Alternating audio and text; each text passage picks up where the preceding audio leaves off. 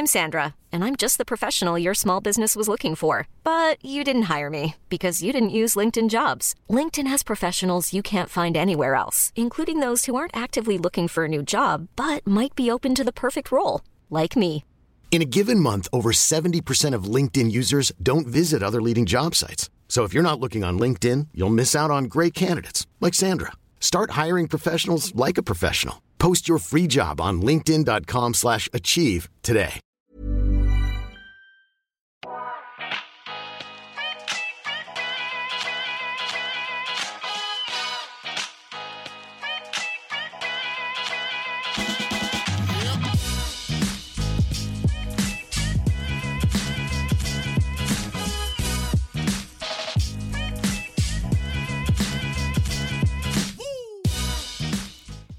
Välkommen till En timme med där jag, Sanja Tigeltia, träffar människor som inspirerar mig, som berättar om sina karriärresor, pratar självutveckling och hur de har kommit dit de är idag.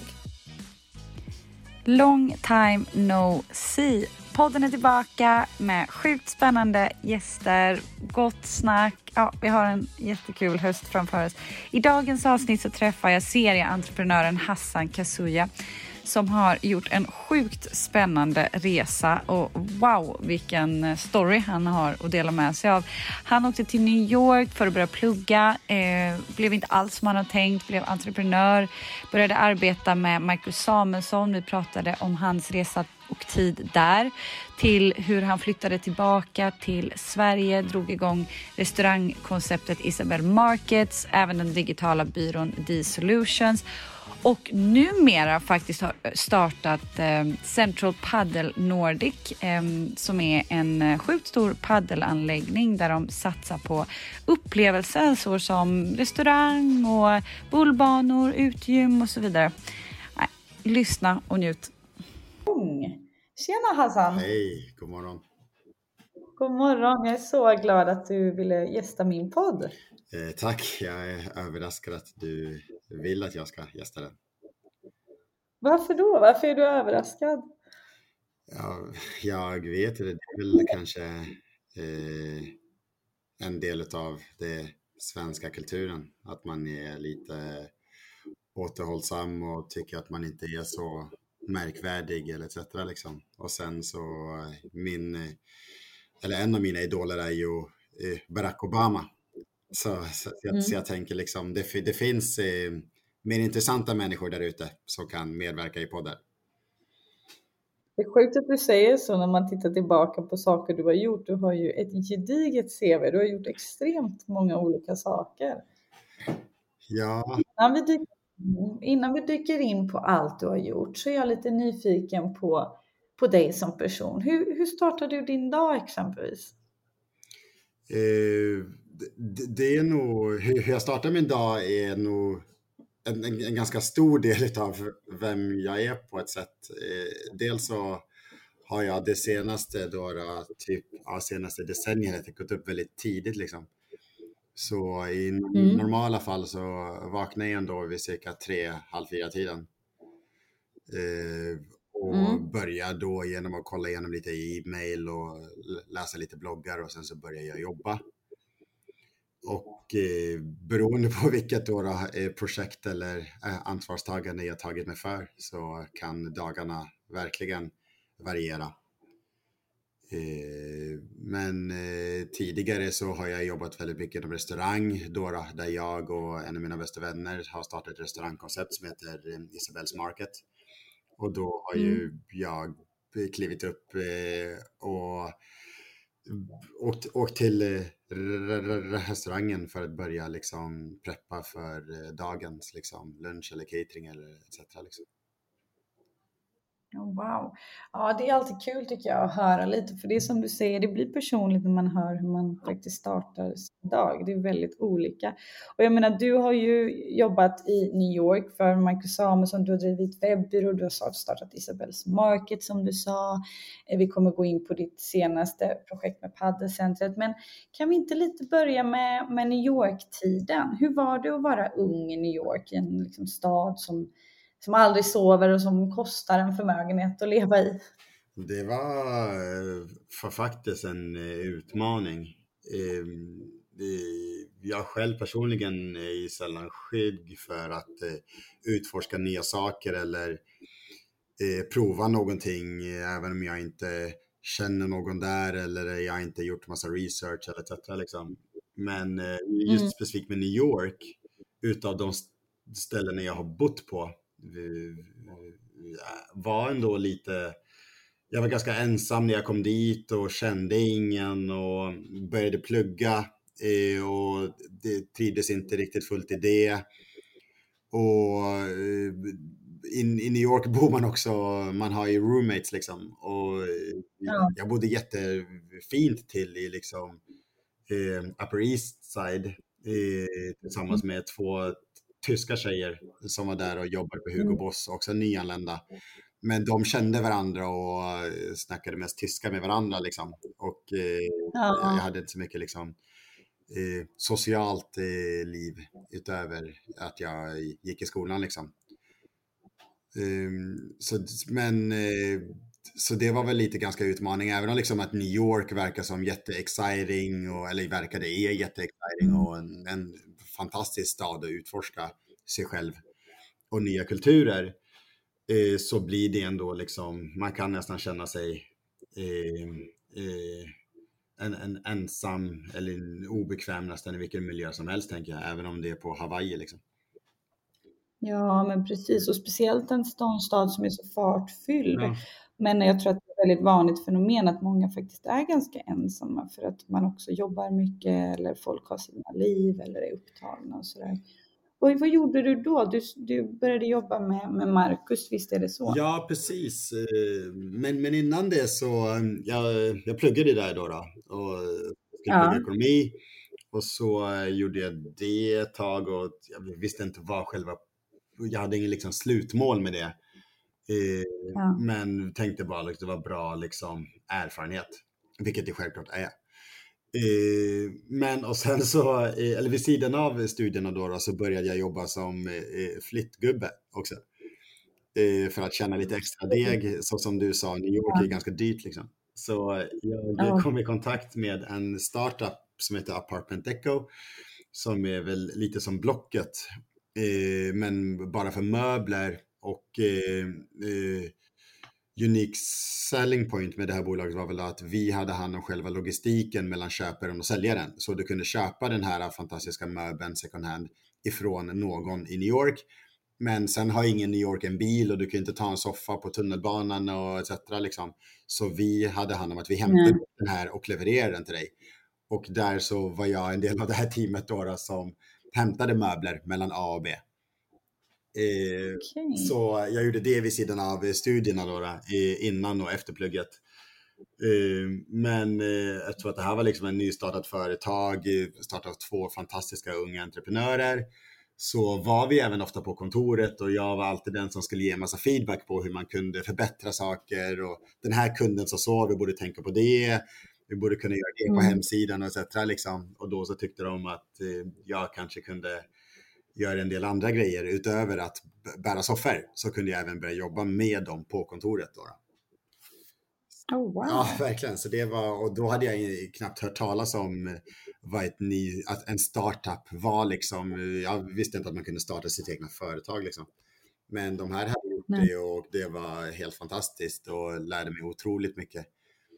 Um, och i den svängen då, då så eh, fick jag även kontakt med eh, några, eh, eller ett svensk community i New York som heter Blatte United. Så, ja, svenskar som hade flyttat till New York för väldigt länge sedan. Då, En del av dem hade väl bott där typ i 30 år. Plus bland annat Marcus Samuelsson som var en del av grundare av det här fotbollslaget, Blatte United. Eh, som eh, jag fick en introduktion till att eh, genom en kille jag känner från Oslo. Bara, Hej Hassan är ny i New York och han känner ingen, kan inte, ni, kan inte han få joina er? Liksom. Och, och, då mm. var det som en helt annan, liksom, ja, jag skulle säga att det var som en helt annan upplevelse av själva situationen och min vistelse då. Då jobbade jag med någonting som jag tyckte var spännande, plugget som inte var superroligt blev då ändå roligt för att man kunde liksom ja, vara mer engagerad och ha lite mer driv. Och jag umgicks med mm. en fantastisk liksom, eh, tuggare eh, vid sidan av då liksom. Även om jag själv aldrig spelat fotboll så var det liksom, fotbollet var inte så mycket i fokus. Det var mest liksom att de spelade fotbollsmatch på lördagen men sen så hängde man på en pub eh, efteråt och eh, drack bira och käkade och snackade. Mest, liksom. Ja. Eh, så, Kul! Ja, verkligen. Så det var, det, det var liksom lite av vändpunkten i New York. Då, då. Och eh, då, där träffade jag även då Adrian Sundqvist som jag har Isabels Market med idag. Så eh, vi flyttade ihop i New York. Så jag lämnade de två tyska tjejerna då, då och flyttade ihop med honom. Bara efter vi hade känt varandra i ja, någon månad tror jag. Så hade han ett rum över i sin lägenhet i, på, på, på Manhattan. Så flyttade jag in där. Och då var det också liksom att boendesituationen förändrades. Jag jobbade som hade lite extra pengar. Och ja, så jag verkligen stortrivdes. Wow. Då kan man säga att det blev New York 2.0 där, en helt ny verkligen. känsla för Ja, men det kan, man, det kan man verkligen säga. Jobbade du kvar då på startupen? Eller mm, hur, hur? Ja, precis. Jag, jag, hoppade till och med av plugget då och började jobba där eh, full tid. Så jag eh, hoppade av mina studier och eh, fick jobb där som eh, community manager eh, för det här företaget. Då, då och jobbade med liksom kundrelationer och lite produktutveckling och etc. Liksom. Eh, och sen så gjorde jag det i ja, lite mer än eh, ett halvår. Och så eftersom att jag hade hoppat av studierna så kunde jag inte heller vara kvar på mitt eh, studentvisum. Eh, mm. Så då så eh, sa Marcus Samuelsson då, då, som var med i det här fotbollslaget eh, frågade vad jag skulle göra för vi snackade ändå en del och liksom, han var ju också nyfiken på eh, mig och de andra unga killarna. Liksom, what's, what's the deal? Vad, vad vill du få ut av New York? Mm. Liksom? Det är en stad han har bott i och kallar sitt hem nu i snart 40 år mm. och har väldigt mycket livserfarenhet. Eh, så då så berättade jag liksom att jag hade jobbat på Nordic Choice och jobbat på restaurang och varit med och ja, startat restauranger och barer och etc. Liksom, och eh, ja, var ute efter att göra någonting annat då. då. Och då så mm. eh, frågade han om jag skulle vara intresserad av att jobba eh, hos han eh, för hans företag som heter Marcus Samuelson Group. Och så vi visste vi inte liksom vad jag skulle göra där. Men då så startade vi faktiskt deras första manager trainee-program. Så då så satte vi ihop som ett, liksom ett trainee-program för, ja, så man kunde jobba lite i olika delar utav verksamheten business, hospitality etc. Liksom på, mm, eller mer restaurangverksamheten i, i Nordamerika. Liksom. Ja. Oh, wow. Mm. Hade du gjort något sånt här innan? Ja, alltså jag, jag hade jobbat som liksom, eh, restaurangchef tidigare och avdelningschef ja. på Nordic Choice i Oslo. Och jobbat en del eh, liksom servicejobb. Jag jobbade mm. Ett, ett av mina första liksom, eh, jobb utomlands var att jag jobbade som reseledare i, i mm. Cypern eh, och sen så reseledare i Turkiet. Så det var så jag väl kom in lite grann i liksom själva hospitality-branschen. Då, då. Och vad, vad, lärde du dig av att, av att jobba med, med någon, en så pass erfaren entreprenör som Marcus då i det här fallet? Var det där liksom ditt intresse vaknade till liv att du vill också köra på eget någon dag? Eller hur, vad lärde du dig mest? Ja, bland, bland, bland annat eh, ehm, eh, det, dels så var det verkligen utav den första erfarenheten jag fick från New York eh, var från den eh, liksom eh, ehm, community management-rollen på Apartment Deco men verkligen eh, eh, hos Marcus där man fick eh, mycket eget ansvar och det kändes så, så märkligt eftersom att eh, jag var ju i, ny i bolaget där liksom. Och dessutom var liksom eh, trainee. Men ändå väldigt mycket ansvar för att göra i saker och prova koncept på de olika restaurangerna och jobba en del med svenska bolag och liksom projekt. på, i, i den liksom befintliga verksamheten som var lite oprövat. Ändå så eh, eh han bara, det bara köra, det kommer ordna sig etc. Liksom. Och det, ja, det var liksom fantastiskt att få så mycket liksom eh, för frihet. Men också så boostar det verkligen ens självförtroende och att få så mycket eh, ansvar av tillit av en sån liksom erfaren och duktig entreprenör som Marcus är. Oh, wow, varför, varför tror du att just du fick det? Nu får du verkligen vara lite osvensk här, men att liksom, var, varför fick du det? Vad var din starka grej? Alltså jag tror att han eh, kanske kände igen eh, en del av sig själv lite grann ifrån eh, min erfarenhet. Mm. Dels liksom det rent liksom afrikansk svenska delen då, då, men även den här ja. lite liksom orädda, kaxiga, kör sin egna väg liksom. Och, eh, och tar för sig och provar saker. Eh, men mm. Eh, en, en, del saker är också ganska liksom befogade. Att du, du, du måste ju en, en del saker måste även kunna liksom backa upp och ha gjort förr och ha lite erfarenhet inom. Eh, men jag tror verkligen att han gillade att det var helt plötsligt någon som kom in och bara kunde eh, köra och driva igenom då. då.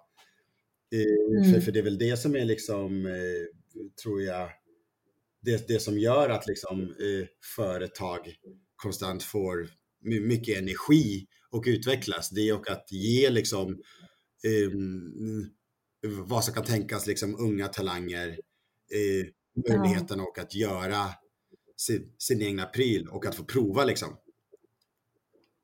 Verkligen. Wow. Och vad tror, du, vad tror du gör att du är så kaxig och orädd som person? Alltså, jag, mycket utifrån eh, vad eh, min bakgrund är liksom. Eh, mm. Jag och mina systrar eh, flydde från Uganda eh, till Sverige mm. och bodde på flyktingförläggningen där och i, utanför Uppsala och är verkligen eh, uppväxta, kanske inte från liksom någon form av riktig liksom kärnfamilj, eh, men har varit mm. och att eh, växa upp ganska snabbt och att ta väldigt mycket eget ansvar och att eh, mm. det, du måste nästan göra saker själv för att det ska eh, ändra någonting eller hända någonting. Eller då, eh, mm. Och vilket gör att när man har på något sätt kanske inte haft så jättemycket att förlora eller haft eh, liksom jättemycket, låt oss kalla det typ skyddsnät på något sätt, gör att du, eller jag, jag kan bara tala för mig själv kanske, att jag har blivit mera liksom riskbenägen och tänker väldigt ofta liksom, vad, vad, vad är det på riktigt det värsta som kan hända? I, i, mm. i alla de projekt och liksom företag jag har startat. Liksom, det är inte det, det, är inte en, en liksom mardröm eller eh, en oro för mig att jag skulle eh, starta ett företag och så skulle det fejla då. då. Ja. Du ser snarare alla möjligheter som finns snarare än alla risker som, som finns. Ja, väldigt ofta. Eh, och sen så ja. har man väl också kanske lärt sig att man ska eh, inte, inte liksom vara naiv och vara påläst och att eh, kunna ta hjälp av människor som har mer erfarenhet eh, än en själv i väldigt många aspekter. Men också mm. att, eh, att man kan också så mycket mer än vad man ibland eh, tror. Det är liksom, eh, jag tror att en, om, om du liksom bara eh, sätter dig i en situation så kommer det mm. eh, ordna sig, eller du kommer lösa det. Eh, och sen mm. kan det vara en väldigt stor rädsla och att vara i en del situationer och att vara obekväm. Eh, men i väldigt många då liksom, situationer så kommer du inte skadas fysiskt eller det kommer inte liksom bli några gigantiska konsekvenser. Eh, beroende på liksom du, du, hur stor risken är såklart. Men du, du, kan ju ta på dig projekt och börja litet och så är väldigt bra på det sättet tycker jag. Att det finns ju ändå väldigt bra och säkra möjligheter för att kunna bli en egenföretagare i, inom väldigt stor utsträckning. Ja, oh ja, oh ja, jag är själv en flykting bara fast från Balkan och jag vet att för mig var det, jag var tre när jag kom till Sverige, men för mig var det att mina föräldrar, eh, min mamma snarare, hon var livrädd för att ta risk, för hon var ju så här, om man tror att man flytt krig kanske, att det är att hon tänker att nej, nej, nej, nu är det safe, nu, liksom sådär, nu, nu ska vi tjäna pengar och vi satsar inte de pengarna. Du vet, så, så såg man min pappa, stackaren, vår stora dröm med entreprenörresan. Han var entreprenör innan och då blir han så här, men här finns ju alla möjligheter. Mm. så jag kan verkligen känna igen i, i, det du säger. Men om man tittar på tillbaka på din New York-resa, skulle du rekommendera andra att göra den resan? Ja, 100 procent. Eh, och, eh, och det behöver inte bara vara specifikt till New York. Eh, bara liksom eh, åk utomlands eller ta ett break ifrån plugget eller gör någonting. Jag tänker liksom, man lär sig så otroligt mycket av att bara åka och att sätta sig i en ny miljö, vara med ny kultur, nya människor även om du åker till Finland, liksom, så mm. kan ju det vara en liksom, fantastisk erfarenhet som är bra när du väl kommer tillbaka och ska fortsätta plugga på Lund. Det är liksom, mm. jag tänker, och sen i New York kanske den, är liksom, är kanske med extrema i det, liksom, det är väldigt långt bort och det är väldigt stort och väldigt liksom high-paced. Liksom. Det, det, det kan vara väldigt hassligt i New York i formen av liksom boende och jobb och inte nödvändigtvis studierna då, då. Men jag kommer ihåg liksom mm. när man eh, eh, när, när jag flyttade till New York, då hade man med sig liksom depositunen till lägenheten man skulle kolla på där på plats i ett kuvert. Så ifall att du kom överens så gav du någon liksom 30 000 kronor ja. i ett kuvert och så fick du ett par nycklar och så hoppar du på att allt går väl liksom. Ja. så det är liksom, inte massa pappersarbete och kontrakt. Och... Precis, precis. Förstahandskontrakt och etc. Liksom, det, är inte, det, är inte, det är inte riktigt eh, alltid så det funkar, även om det säkert finns eh, situationer där det gör det så. Eh, så. Men sen så flyttade du hem, eller hur? Och så började du, drog du igång Isabells Market tillsammans med din vän då som du bodde med i New York. Ni båda flyttar hem. Ja, eh, ja, ja och nej. Eh, eh, jag körde ju min manager trainee program hos Marcus eh, ja. i lite mer än ett år. Eh, och sen så ehm, eh, till och med under, i slutet av den perioden så, så träffade jag Dora, min nuvarande sambo, Emma på en av våra gemensamma vänners mm. eh, födelsedagsfest. Och då skulle... Okay, också Precis, så vi träffades i New York eh, och hon är från Göteborg och hade varit i New York och pluggat och um, haft lite internet. Och vad härligt med göteborgare. Ja, precis. precis. Eh, och eh, nu var hon klar med sina studier och så skulle hon eh, jobba ett år på en annan svensk eh, designer, men i LA. Eh, så hon skulle flytta till Los Angeles bara tre veckor innan vi träffades. Och eh, eh, vi, vi fattade tycke för varandra direkt då, och umgicks nästan varje dag under de tre veckorna innan hon flyttade till Los Angeles.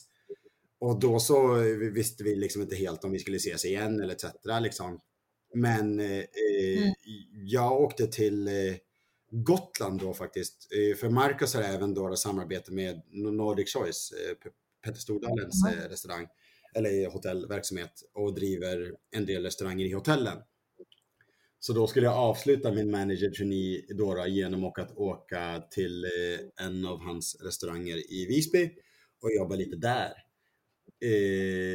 och vara med och hjälpa till teamet där under sommarsäsongen. Och efter det så hade jag inga planer riktigt vad jag skulle göra då. då.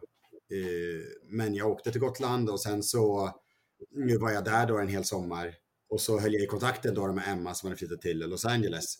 Och då slutade det med att eh, efter eh, någon, någon månad på Gotland så åkte jag till LA. Så då flyttade vi tillsammans där. Så då så hade vi känt, så hade vi känt varandra då i, i, i knappt en månad och flyttade ihop i Los Angeles. Eh, wow. ja, för hon jobbade där och bodde tillsammans med två andra svenska tjejer. Eh, så då så bo- bodde jag där med dem. Eh, och det var då, då i, i, i den perioden jag startade mitt första eh, bolag som var en liten, ja, det började väl som, eh, jag gjorde lite liksom grafisk design och lite loggor och lite sådana saker till eh, vänners vänner och lite småföretag. För jag, jag pluggade grafisk design i gymnasiet i Uppsala. Eh, så det Ja, men- gjorde jag. Det hann du ju med också, starta webbdesign. Ja, men det var liksom, det, lå- det låter mycket mer liksom eh, eh, glamoröst än vad det var liksom. Eh, det var väl mera en brist på att jag inte hade något eh, jobb eller arbete i LA. Så jag jobbade lite extra som bartender och sen så försökte vi liksom hitta kunder för hur kan vi hjälpa er och göra lite av era grafiska profil och etc. Liksom. Eh, Men Mm, då mm. så, eh, en av mina första och då nästan största kunder blev eh, eh, Svenska Handelskammaren i New York som jag hade jobbat väldigt Ja. mycket med under min tid på Marcus Samuelsson Group. Mm. Så då så var det bara att jag kontaktade dem och bara hej, nu eh, bor jag i LA och eh, gör det här. Skulle ni vilja tänka er liksom betala en liten summa pengar och så kan jag hjälpa er med vad ni nu skulle behöva hjälp med. Och då så tyckte de att det var jätteroligt och trevligt att fortsätta jobba ihop även om det var i en annan kapacitet än tidigare. Då då. Så det var där det tog fart lite grann genom att, eh, ja, och, och det var mitt första liksom, eh, det, det var mitt första egna företag. Okej. Oh, wow. Ja, det är verkligen, eh, alltså, du har ju gjort väldigt mycket, väldigt bred bakgrund om man tittar på liksom allt du har tagit dig an. Vilket är sjukt inspirerande. Allt ifrån liksom restaurangbranschen till startup och sen webbdesign. Men när flyttade ni hem till Sverige? Det var, eh, Em- Emma hade sitt OPT i LA och var där ett år och jag kom ju efter en stund att hon hade bott där så jag var väl där i mm, ja, knappt sex månader cirka. Och då så eh, hade inte jag bott i Sverige på nästan tio år för jag hade bott utomlands och ja, varit och jobbat i liksom eh, Barcelona, Turkiet, Cypern, Norge, eh, New York och nu i LA. Och nu så flyttade jag tillbaks till Sverige då, så jag hade ingenstans att bo. Så jag följde med Emma till Göteborg och eh, bodde tillsammans med henne och hennes mamma och eh, hennes mammas man då. då. Så, så, eh, och det var ju ännu en prövning då, då i vårt nyblivna förhållande. Eh, att vi flyttade två ungdomar efter en långvarig USA-vistelse och nu bodde man hemma, inte ens hemma hos mamma och pappa, men hemma hos sin flickväns mamma och pappa. Så, Det är ju en prövning bara en helg. Ja. Tänk då om man bor på... och, och, vi, och vi bodde ju så typ i ett år nästan faktiskt. Eh, Ja, och de var ju väldigt eh, fantastiska. De kom och hälsade, vi, vi fick en jättefin relation. Eh, De kom och hälsade på oss i, i Los Angeles och eh, etc. Liksom. Så det var, det var trevligt faktiskt. Och de hade ja, rum till, till oss alla. Men när kom idén till Isabells Market? Det var, det var väl liksom, ett, eh, jag tror att eh, Adrian som jag nämnde tidigare då, då min dåvarande New York roomie, eh, jag- och han eh, under tiden jag jobbade med Marcus Samuelsson, vi arrangerade en, en jätte, ja, eh, med risk för att låta skrytsam, en jättebra fest på en, en, en, en takvåning som jag bodde på i New York. Då, Ja. så, och där hade vi liksom en, en rooftop eh, party innan. Det var lite som en förfest till eh, en Håkan Hellström-konsert. Så Hå- Ja. Håkan Hellström var i New York och hade ett uppträdande eh, på Gramercy Theater. Och då var det självklart väldigt mm. populärt med många svenskar. Och då så styrde jag och Adrian då, då en, eh, en förfest till den här um, konserten. Och så kom det ja, otroligt många människor då. då. Eh, och då liksom roddade vi med mat och dryck och etc. Liksom. Och så köpte folk bara en biljett till den här festen då, då och så ingick det eh, gratis mat och eh, gratis dryck då. då. Och det, det var ju väldigt passande. Alltså det var en fantastiskt solig dag på Manhattan på ett tak och det var liksom vänners vänner och vänners vänners vänner och etc. Liksom. Och sen så skulle vi alla gå och se Håkan Hellström, så det var ju liksom helt fantastiskt. Eh, det, det, är en del människor man har mött som man, jag inte kommer ihåg att man har träffat nästan, som har eh, liksom hört om att man har varit med och styrt den festen. Eh, ja. Men då när vi gjorde den lilla liksom, då, arrangemanget så pratade vi om ja. att det skulle vara fantastiskt roligt och att göra sådana saker. Eh, och, liksom, och då har inte vi haft någon liksom, erfarenhet av att drivit restaurang eller drivit event eller etc. Liksom. Vi ville bara på något sätt skapa eh, arrangemang som var roliga. Liksom. Eh, och sen så gjorde vi inget mer med det. Men eh, vi flyttade till Göteborg och Adrian var också klar i New York där tror jag, för han var klar med sitt plugg och han jobbade, han pluggade finans och sen började han jobba på Wall Street och sen så, ja, efter några år så flyttade han tillbaka till Sverige också. Och också var arbetslös. och, mm. och sen så eh, bodde vi då alla i Göteborg och visste inte vad vi skulle göra och jag hade D-Solutions, eh, webbyrån då, då och då hade vi blivit lite fler. Då hade jag väl tre stycken i, i ja, hade vi väl växt ifrån att det var bara var jag och så var vi fyra personer. Eh, men eh, ja, det, det, var väl kanske inte helt riktigt vad jag ville göra. Eh, ville tillbaka och jobba med liksom customer service och liksom med liksom hospitality, även om det är fantastiskt roligt och kreativt att jobba med design. Mm, mm. Men eh, efter ett tag så flyttade vi till Stockholm då, för Emma fick jobb i, där och började jobba för ett, ett, ett, ett svenskt eh, klockbolag. Och så mm. flyttade jag med då.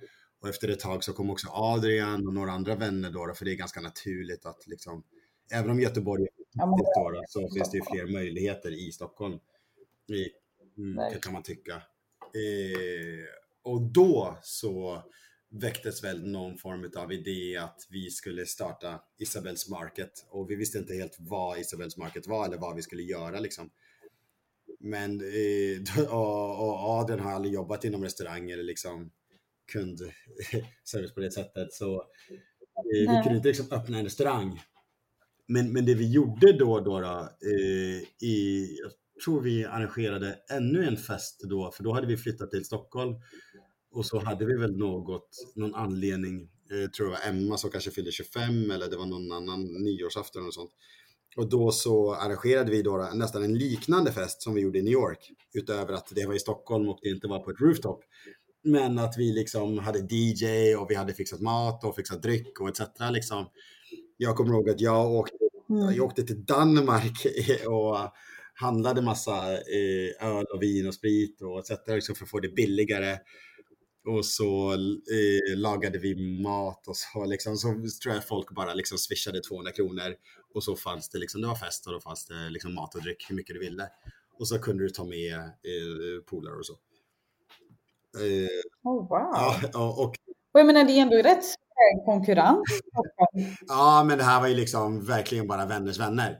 Eh, men på det här eventet så lagade ja. vi pizza och eh, använde eh, mm. eh, libabröd, sådana liksom orientalbröd som pizzabotten. Och idén till det kom ifrån en tjejkompis som heter Isabel Haglund. För då sa hon liksom, ja men om ni ska laga mat för många, ni kan prova att göra det här. Det är väldigt enkelt och gott och smidigt och kostnadseffektivt. Och du behöver inte vara kock mm. liksom. Du behöver kunna lägga eh, goda ingredienser på det här brödet och sen så lägger du det här brödet i ugnen. Och så blir det en pizza liksom.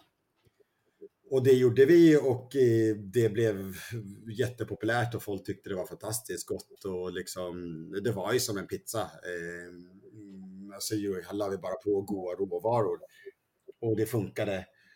Och så tog vi väl det konceptet, och, eh, eller den idén och liksom, ja, fortfarande småskaligt, men konceptuerade då. då. Vi köpte en liten pizzaugn ifrån eh, en dam på Blocket, eh, en liksom liten portabel pizzaugn som funkar med vanligt mm. eluttag och du väger liksom 25-30 kilo. Så eh, den köpte vi på Blocket och så eh, började vi kontakta då. Vi hade ju fortfarande, eller vi hade då liksom ganska många vänner som hade bott i New York och flyttat hem till Stockholm då, då och så dens vänners vänner och etc. Liksom. Så då hade vi några vi kunde kontakta då, då för att prova det här eh, nya konceptet som alla tyckte var så gott och trevligt på en fest vi hade roddat.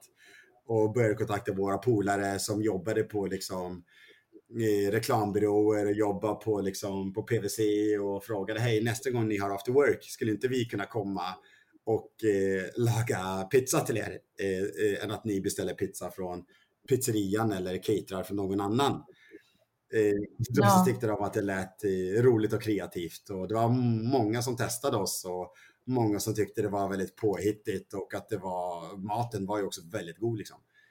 Eh, och att det var trevligt att vi kom på plats. Vi hade med råvaror och liksom satte upp som en station. Så det var ju som att vi hade liksom pop-up pizzalagning på ett eh, managementkonsultkontor medan de eh, drack öl och, och spelade pingis och beer pong. Liksom. Vi, vi, vilket, okay. vilket är liksom en, en, trevligare matupplevelse än kanske att man beställer färdig mat eller att du beställer eh, ja, kanapéer. Liksom. Så, så, det var det, det var, så det var så verkligen då, då i, den idén till Isabels Market startade då, då. Och sen när vi skulle registrera vårt eh, AB så skulle vi komma på ett företagsnamn.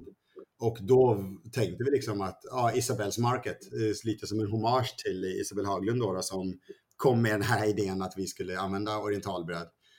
Eh, och att det låter också väldigt eh, trevligt eh, med ja, Isabels Market. Oh, wow, så egentligen stod ni på tre ben med Isabels Market. Ni gjorde catering, ni roddade events och hade ni en fysisk lokal då? Precis, alltså fysiska lokalen och allt det där kom ju mycket senare. Vi ville ju mm. liksom, mm. vi, vi hade ju liksom pluggat ekonomi lite grann och Adrian är liksom ja, en finansman liksom. Så mm. vi ville göra det, göra det väldigt kostnadseffektivt. Och samma sak där, så som alla, eller många kan tycka liksom är en oro. Om du ska starta eget företag, speciellt inom kanske restaurang eller inom catering, att du måste, det är väldigt stor risk och etc. Liksom. Och det vi där vi tyckte var verkligen the beauty med den här möjligheten. Vi hade köpt en pizzaugn på Blocket för 3000 kronor. Vi behövde inget cateringkök. Vi preppade maten i våra lägenheter och så eh, jag kommer ihåg i början, verkligen i tidig stadie, så hade vi Adrian hade en cykel med pakethållare eh, som vi spände fast den här pizzaugnen på medan jag bar råvarorna. Och så gick vi omkring till eventsen i innerstan liksom.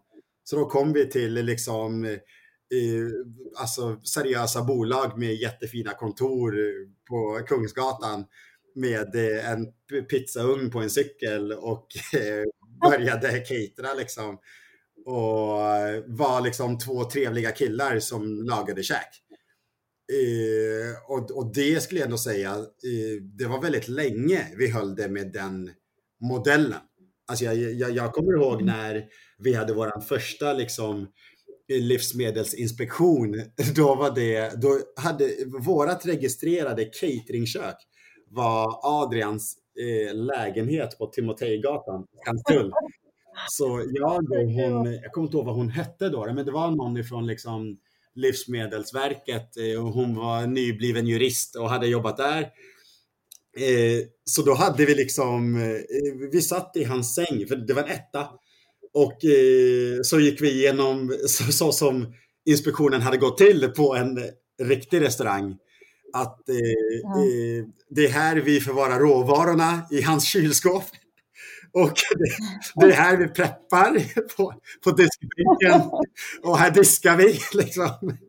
Och Eh, avfallshanteringen eh, sorterar vi här under. Där slänger vi matavfall och där slänger vi past. Och sen så gick vi ner tillsammans i, i liksom, bo, liksom, i lägenhetens eh, soprum och visade hur vi eh, kör avfallshantering. Och sen så gick vi upp igen, då det trappuppgången, upp igen i Adrians rum och så satt vi på hans säng. Han hade ingen soffa.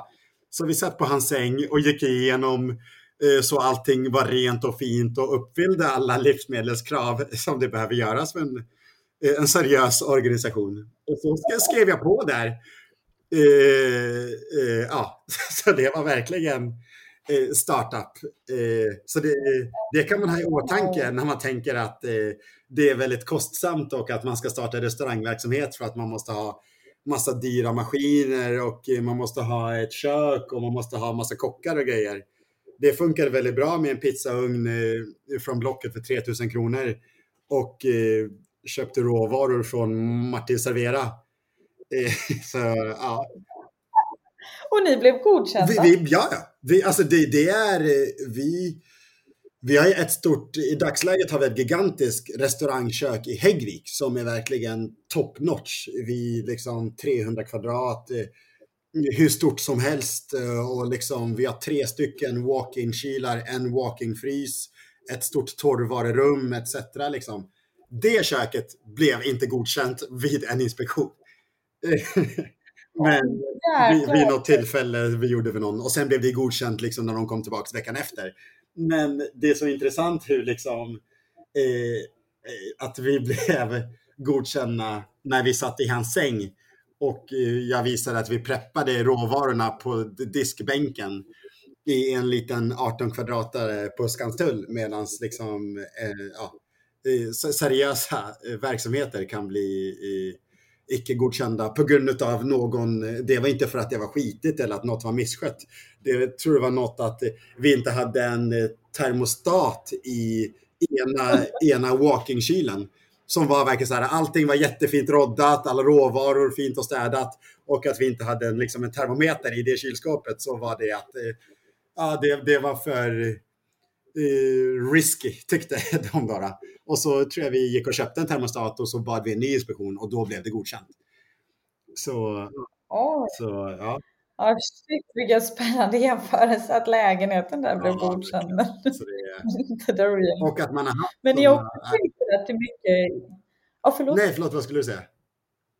Nej, men ni har också caterat till väldigt många influencerfester och den typen av liksom... Verkligen, alltså vi har haft, alltså vi har väl haft eh, en del av eh, världens största bolag och eh, eh, Sveriges kändaste människor som är kunder. Liksom. Vi har caterat åt Google. Bara, tror jag, när vi startade Isabels Market, när vi fortfarande nästan körde pizzaugnarna på Adrians cykel, genom en kompis ja. som jag kände från New York som precis hade börjat jobba på Spotify. Eh, han, eh, då hade Spotify öppnat ett jättefint kontor eh, inne i Stockholm. Då, då. Eh, och då skulle de ha invigningsfest för det här kontoret. Och det var liksom alltså Spotifys invigningsfest. Och, och det var liksom massa artister som uppträdde. Det var 500 personer från musikbranschen och Daniel Ek och etc. Liksom. Eh, och då så löste då min kompis eh, Kasper så att vi fick catera till det här eventet. Och då tror jag att vi hade drivit verksamhet bara i tre månader. Så då, var det, så då var det bara, jag tror, då hade vi en pizzaugn och då beställde vi fler pizzaugnar ifrån, den här vi köpte från Blocket var ju begagnad. Men från den, eh, den samma leverantör, leverantören beställde vi liksom, jag tror vi köpte fyra stycken till då, så fort vi fick den här liksom godkända offerten ifrån Spotify då, så beställde vi eh, tre stycken till pizzaugnar och de kostade alltså, inte många tusen kronor liksom. Och så mm. frågade vi våra vänner då, då, om de kunde jobba, för vi hade ingen personal. Så vi frågade liksom bara våra vänners vänner, bara hej nu eh, har vi fått eh, ett ganska stort gig. Skulle du kunna tänka dig vara med och jobba liksom? Och så var det alltså så fantastiska polare vi haft genom eh, hela den här resan som har ställt upp och varit med och jobbat med oss och ja, kompisar som har varit liksom managementkonsulter och jurister och liksom som har seriösa vardagar och seriösa liv som har liksom eh, efter sina vardagliga ansvarstaganden har, har eh, kommit och mött upp oss eh, för att laga pizza på afterworks eller etc. Liksom. Jag tänker de om någon behöver ju den här uppfriskande miljön. Ja, alltså folk har ju, folk har ju liksom skrattat åt oss och tyckt att vi har varit galna. Och, och sen har vi dykt upp och eh, man har liksom sett konceptet och smakat maten och tyckt att det har varit fantastiskt med våran liksom erfarenhet. För vi har inte, vi har inte varit några kockar liksom. Vi var ju två killar som bara körde. Oh, och wow. till det liksom. Genom lite kontaktnätverk och kreativitet och driv liksom. Så det är väl verkligen då grundreceptet till att Isabels Market eh, fick en sån fart. Och det du nämnde att vi har liksom haft massa influencers. Eh, vi liksom, ja, vi fick liksom köra Spotifys fest typ tre månader in. Och sen har vi liksom ja, varit på diverse födelsedagsfester till offentliga människor. Eh, varit liksom, haft återkommande cateringar till Googles kontor och vi öppnade pop-up eh, café på H&M's kontor och ja, har liksom haft fantastiska möjligheter ifrån liksom den här eh, att vi körde liksom vårat fordon mellan cateringar var en cykel till att vi fick liksom fantastiska uppdrag och öppnade restauranger och etc. Liksom. det är helt fantastiskt. Och jag menar, jag vill gärna också runda av med er senaste satsning som faktiskt är någonting helt annat, vilket också är väldigt roligt för då kommer vi in på paddel. Eh, för visst öppnade ni i våras eh, Central Paddle Nordic som ligger i norra Djurgårdsstaden? Visst är det så? Precis, det, det stämmer. Och eh, det var ju också typ en konsekvens utav Corona. Så att det var ju alltså Isabels Market, när det gick som bäst så hade vi nog ganska många anställda och vi hade två restauranger och skulle öppna en tredje och hade liksom eh, investerat ganska mycket då, då. Nu var det ju på lite större nivå. Vi hade liksom fem stycken fastanställda, marknadschef och etc. Liksom. Och sen så då, då i, ja, i början av förra året så kom ju då, då covid, vilket alltså hela mm. vår verksamhet verkligen eh, försvann vilket det gjorde för väldigt många människor. Då, då. Och det är många som har förlorat mm. mer än liksom sitt levebröd. Eh, men eh, ifrån mitt perspektiv så var det inte så mycket mer, alltså så här, vi, vi, vi skalade ner verksamheten och eh, gjorde det vi kunde för vi skulle liksom kunna överleva. Vi var tyvärr tvungna att säga upp all personal, var tvungna att stänga restaurang. Men, och sen låg vi på sparlåga då, då nästan typ ett år. Eh, och sen så var vi tvungna liksom göra någonting för det verkar, man visste inte hur länge covid skulle hålla i sig. I början så trodde ju folk liksom, ja men på måndag kommer världen gå tillbaka till det normala. Ja men efter sommaren kommer det bli så, eh, början av nästa år, men det tog nästan aldrig slut liksom. Men eh, mm. en verksamhet som verkligen bara kunde tumma på var i paddel. Alltså det är liksom en i, i ny sport i, i, i Sverige för min del. Liksom. Men det var ju liksom all, alla andra verksamheter nästan inom liksom service hospitality var tvungna att stänga hotell och restauranger och kaféer och klädbutiker, gym. Men paddel verkade någon form av liksom coronas kackerlacka där. Jag överlevde och oavsett och då så tänkte jag att man skulle på något sätt kanske kunna eh, gå in i då i paddel med anledning till att det drog så mycket folk. Alltså alla man kände var helt tokiga i paddel då. då. Och det ja. attraherar ju så kopiöst många människor, men det är fyra som spelar liksom. Eh, så då så tänkte jag att man skulle starta en utomhuspaddelanläggning då. då. Eh, och applicera i restaurangverksamheten i det då, för vi hade, liksom, vi hade förlorat allting då, då. Men nu måste vi komma igång med restaurangen. Och då så kunde liksom paddel vara någon form av liksom gateway drug. Så att eh, om vi på något sätt eh, eh, hittade en yta som var liksom attraktiv och var central och så på något sätt så kunde man sätta ihop ett riktigt trevligt liksom, koncept då, där man både kunde komma till en plats och få en jättetrevlig paddelupplevelse men även då, då knyta in food and beverage-delen då, då, vilket eh, mm, jag Mm. kunde bäst och haft mest erfarenhet inom då. då. Eh, eh, så kanske man kunde få liv i våran verksamhet igen då. Och eh, så blev det. Så då så liksom eh, frågade jag runt och hade lite kontakter för vi har ju liksom eh, vi har ju hyrt så många liksom, lokaler och ehm, haft så många olika samarbeten med fastighetsfirmor runt om i Stockholm.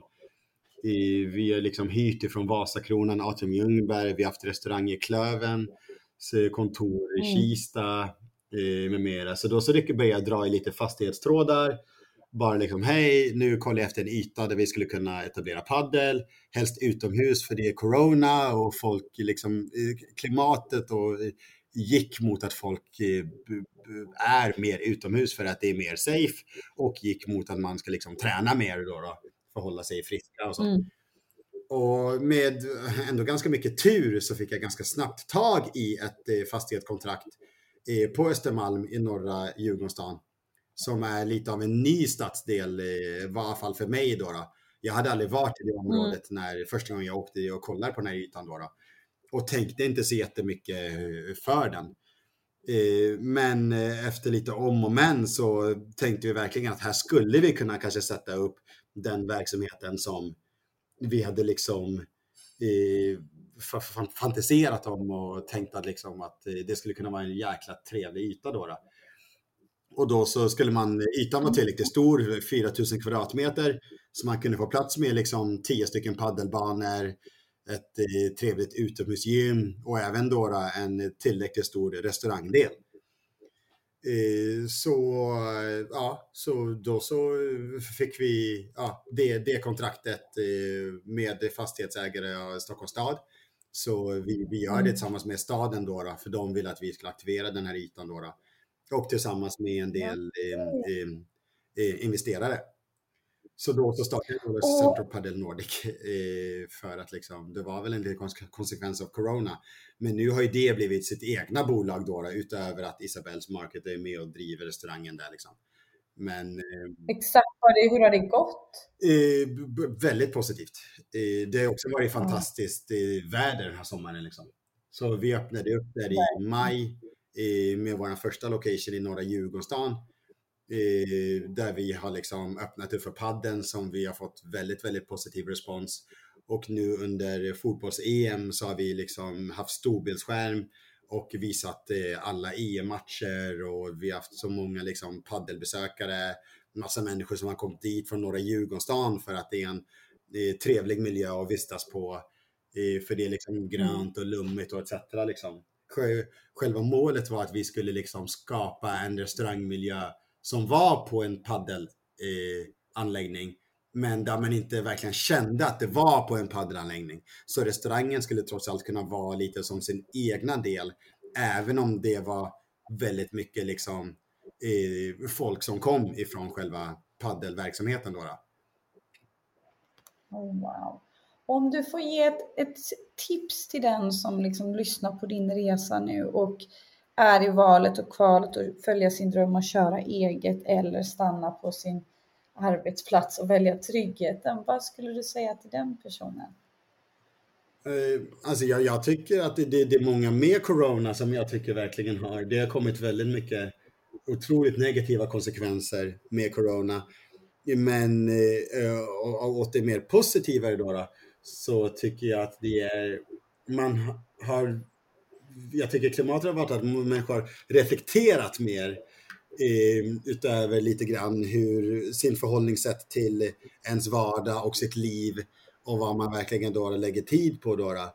Jag har haft, eh, eller har många vänner som eh, pre- pre-corona inte hade några liksom, planer på att de skulle ändra sin karriär eller ta ett års ledigt och göra någonting annat eller på något sätt liksom eh, ändra lite av sin vardag som nu har valt dock att göra det och det har varit allt ifrån liksom eh, managementkonsulter som ska bli psykologer eller att någon helt plötsligt ska bli konstnär eller eh, smyckesmed eller med, med mera liksom.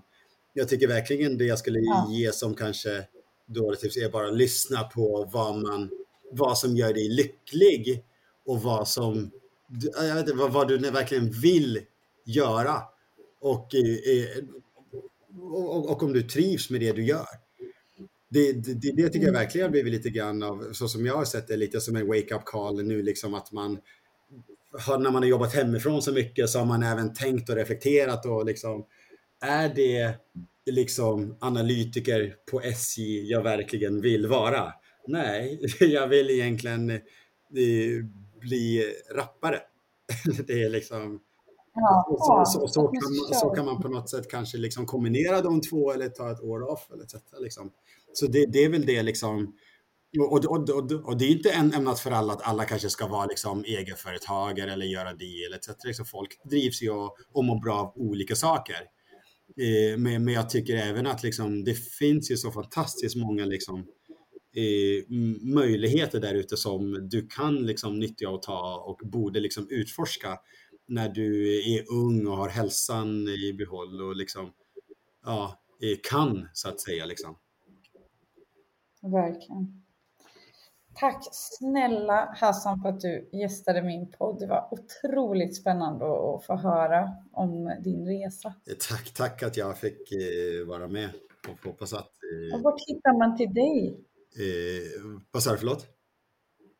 Hur hittar man till dig om man är jättenyfiken efter att vi har pratat? Eh, alltså det är väl... Eh, eh jag är väl inte någon form av liksom då, eh, personlig avsändare för någonting jag gör, men eh, mina verksamheter Isabels Market kan du hitta på vår Instagram, Isabels mm. Market mm. Straightforward och även då Centro Padel Nordic som går under eh, namnet CPN eh, kan du också hitta på vår Instagram. Eh, mm. Och eh, eh, där kan du besöka oss i antingen i norra Djurgårdsstan eller Sundbyberg. Eller vi öppnar på Värmdö nu också nästa vecka. En jättefin padelanläggning tillsammans med eh, Siggesta Gård. Och så har vi även i Gränna i Jönköping en anläggning i samarbete med en herrgård där också. Så eh, det, det jag har varit med och eh, då kanske exekutat kan man hitta på lite olika sätt. Eh, men mig personligen har, har inte mycket värt för att hitta eller leta efter. Ja, men då har man i alla fall bolagen man kan vända sig ja. Coolt! Tack så jättemycket och tack för att du delar med dig. Tack själv. Ha en fortsatt trevlig sommar. Ja, men detsamma. Om ni gillar podden så får ni hemskt gärna dela den här med era vänner men också gå in och prenumerera och jättegärna lägga en liten kommentar. Det hade gjort mig så otroligt glad.